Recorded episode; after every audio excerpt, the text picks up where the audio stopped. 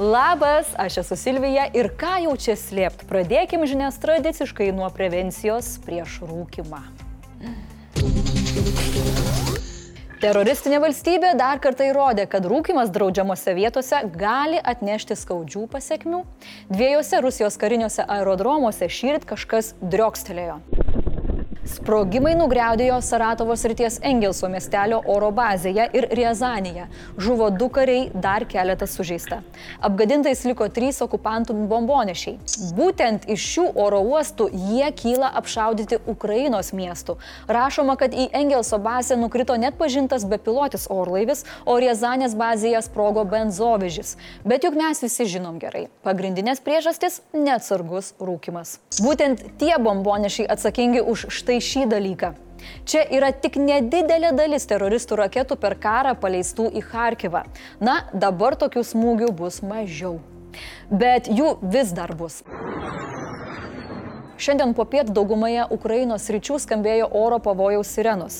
Po jų pasipylė sprogimai. Raketos vėl skrido į didžiuosius Ukrainos miestus. Pranešama, kad kai kurie miestai liko be elektros ir vandens. O viena raketa nukrito netoli Moldovos Briceni miesto, netoli sienos su Ukraina. Raketą sodė rado pasienio policija, kuri sustiprino patruliavimą Rusijos raketų atakos prieš Ukrainą fone. Taip pat šalyje sutriko elektros tiekimas. Na, o Rusija bent sulaukė finansinio sprogimo. Šiandien įsigalioja ES didžiojo septyneto ir Australijos suderintos rusiškos naftos kainų lubos. Nuo šiol bus tiekiama ir gabenama tik ta rusiška nafta, kuri kainuoja nedaugiau 60 dolerių. Į tai sureagavo Peskovas, sakydamas, jog jokios lubos specialiosios operacijos nepaveiks. Mhm, nu kurgi ne. Tiesa, šis Ukrainos sąjungininkių žingsnis sukėlė priešingą variantą - naftos kainos šuolį. Dabar barelis kainuoja kiek daugiau nei 87 dolerius. Lietuvių dabar itin linksniuojamas Financial Times metų žmogumi pripažino Ukrainos prezidentą Volodymyrą Zelenskį. Jau tuoj visi komentaruose vad pradės rašyti, kad čia ukrainiečiai tiesiog susimokėjo. Šis metų žmogus pasidalijo įdomią informaciją. Prieš invaziją vasarį tarptautiniai partneriai nesuteikė Ukrainai konkrečios žvalgybinės informacijos apie tai, jog Rusija puls.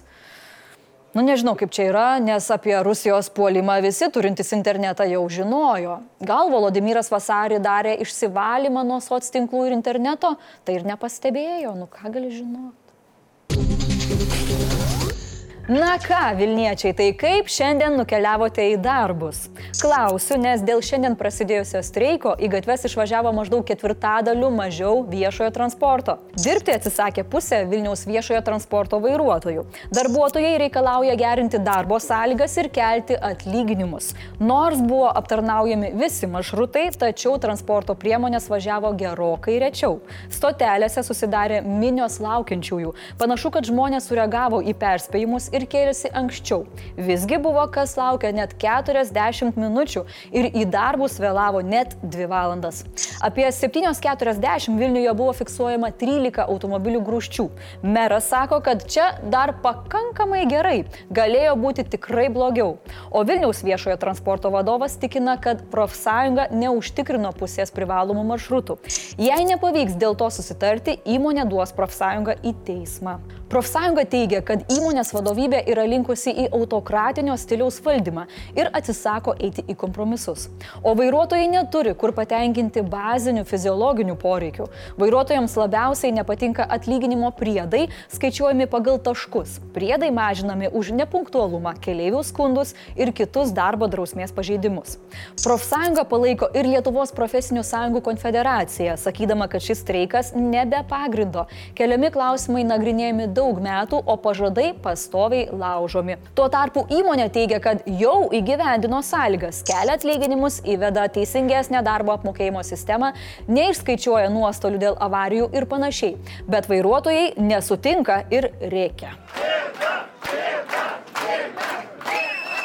Na, o įmonės vadovas nesutinka, kad nieko nedaro. Atvirkščiai kaltina profsąjungą. Deklaruojant vieną viešumoje, o pačiose dėrybose ultimatyviai reikalaujant sutikti tik tai su tuo pasiūlymu, kokią pateikė profesinė sąjunga. Tokiam situacijoje yra tikrai sudėtingos yra dėrybos. Savivaldybė elgėsi įdomiai. Nesugebėjusi išspręsti konflikto siūlo vairuotojams pavežti laukiančius žmonės. O Šimašis pridėjo, kad darbuotojų interesai turėtų visiškai būti patenkinti. Streikas yra neterminuotas. Pabaiga bus tada, kai bus sutarta dėl sąlygų o jums siūlau stebėti tvarkarašius, žiūrėti kamščius bei šilčiau apsirengti, nes gali tekti pastovėti laukia. Ar mėgstate, kai rusai sako, nu, patusa pats? Hm? O tokia Ukrainos pilietybė turinti Rusijoje garsi Svetlana Loboda patinka? Aš žinokit, spėju, net nežinote, kaip ji atrodo. Įbėsti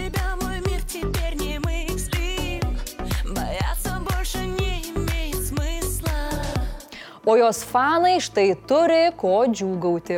Dar praėjusią savaitę buvo paskelbta, kad atšaukiami visi dainininkės koncertai Vilniuje, Šiauliuose, Panevežyje ir Klaipedoje.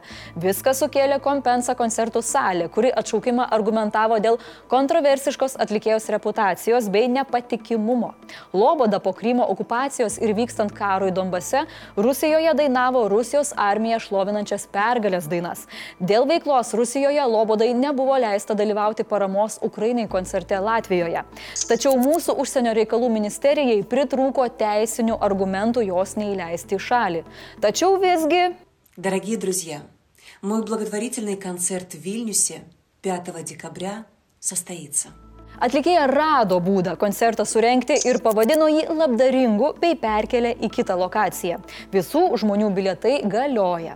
Situaciją pakomentavusi atlikėja sakė niekada nekoncertavusi Rusijos vyriausybiniuose renginiuose, o dėl reputacinės žalos žadėjo bilinėti su arena. Svetlana teigia, kad Rusijai vasario 24 pradėjus invaziją, ji visiškai nutraukė savo veiklą Rusijoje ir išvyko iš jos. Mėla Svetlana, turiu naujieną. Rusija karą Ukrainoje pradėjo ne vasario 24, o 2014, kai aneksavo Krymą. Loboda gyvena Latvijoje, todėl priešingai nei atlikėjams iš Rusijos, jai automatiniai draudimai atvykti į šalį nebegalioja. Tačiau kultūros ministras Simonas Kairys sako, kad ne vien institucijos turi rūpintis atlikėjais, bet ir patys organizatoriai turi kritiškiau žiūrėti, ką kviečia. Kai vyksta karas, reikia įsivertinti ir susijusią riziką. Viena vertus, jos klipuose rodomas ukrainiečių karys, sugrįžtantis pas savo šeimą. Ji pati dėvi Ukrainos spalvų aprangą ir net kalba, kad negrįš į Rusiją. Я не вижу вообще возможности даже думать о том, что я могу вернуться в Москву и жить, жить в России. Tačiau kita vertus, kaip ten dėl to koncertavimo Krymo okupacijos metu? Hm? Spręskit patys. Laisvės partija susirinko aptarti dviejus savo darbo metus Seime. Tomas Vytautas Raskevičius teigia, kad partija labai aktyviai dirba, jog vakarietiškos vertybės Lietuvoje tvirtėtų. Na, akivaizdu, kad nepakankamai jai niekas dar nepriimta. Jis pabrėžė, kad Laisvės partija nėra tik dviejų klausimų partija. Kalbėdamas apie vieną iš jų, civilinės sąjungos projektą, Tomas gynėsi, jog partija Seime turi tik 11 narių, o homofobų tame pačiame Seime daugiau. Kandidatas į merus taip pat kalbėjo apie poreikį dekriminalizuoti mažo kiekio narkotinių medžiagų disponavimą ir Stambulo konvencijos ratifikavimą. Norisi tik pridurti. Na, Aušrinė Armonaitė vertindama dviejus metus valdančiojoje koalicijoje pastebėjo, kad per tą laikotarpį Lietuva turėjo vieną švelniausių karantinų Europoje, o ekonomika sėkmingai augo. Kaip su tuo susijusi Laisvės partija, nu žinokit, nežinau. Nelabai užtat auga tarpusavio pasitikėjimas valdančiojoje koalicijoje. Armonaitė sako, jog frakcija dar nenusprendė, ar palaikys konservatorių prašymą iš biudžeto ir finansų komiteto išmesti dabartinį pirmininką Majauską. Tačiau Agne Širinskinės rengiamuose cirkuose Laisvės partija irgi dalyvauti nesiuošia. Nesiuošia partija palaikyti ir pavasarį planuojamas mokesčių reformos. Na, bent jau kol neaišku, kaip ta reforma atrodys. Tomo teigimu, ji negali tapti pasipinigavimu valstybės vardu. Na, o ką Jūs manote apie dviejus šios partijos metus Seime? Ar jie jau išlipo iš e, studento stovybės lygio, ar dar ne? Blitz naujienos. Ignitis anksčiau paskelbė apie keičiamas vieno iš planų sąlygas. Jie daliai klientų naikina pasirinktą planą su nefiksuota kaina, pasiūlydami pasirinkti fiksuotos kainos planą. Valstybinė energetikos reguliavimo taryba sako, kad su pakeitimais vartotojai gali nesutikti. Pasinaudojus šią teisę turėtų galioti ankstesnės sutarties sąlygos. Vienas Irano parlamentaras valstybiniai žiniasklaidai sakė, kad vyriausybė kreipia dėmesį į realius žmonių reikalavimus. Vis dėlto jis nekomentavo anksčiau paskelbto pareiškimo apie naikinamą moralės policiją. Liūdnai pagarsėjusios moralės policijos veiksmai padėjo išprovokuoti mėnesius šalyje trunkančius protestus. Švedijoje nužudytas Čečenijos tinklaraštininkas Tumso Abdurrahmanovas, laikomas pagrindiniu Čečenijos autokratinio lyderio Ramzano Kadyrovo kritiku, praneša Telegram kanalas. Kinijos miestuose vėl pradėjo dirbti kompanijos ir buvo palengvinta tvarka dėl testavimo. Taip šalis pamažu bando švelninti griežtą protestus išprovokavusią politiką nulis COVID. -o. Po truputį atšaukiami ne vienerius metus trunkantis suvaržymai, taikomi nauji principai kovai su koronavirusu. Ir primenu, mėlyjeji, šios dienos klausimą. Kaip vertinate Laisvės partijos du metus Seime? Hmm? Na, o štai čia matote paukštuką, kurį užaugino kišenvagiai. Pažiūrėkit va.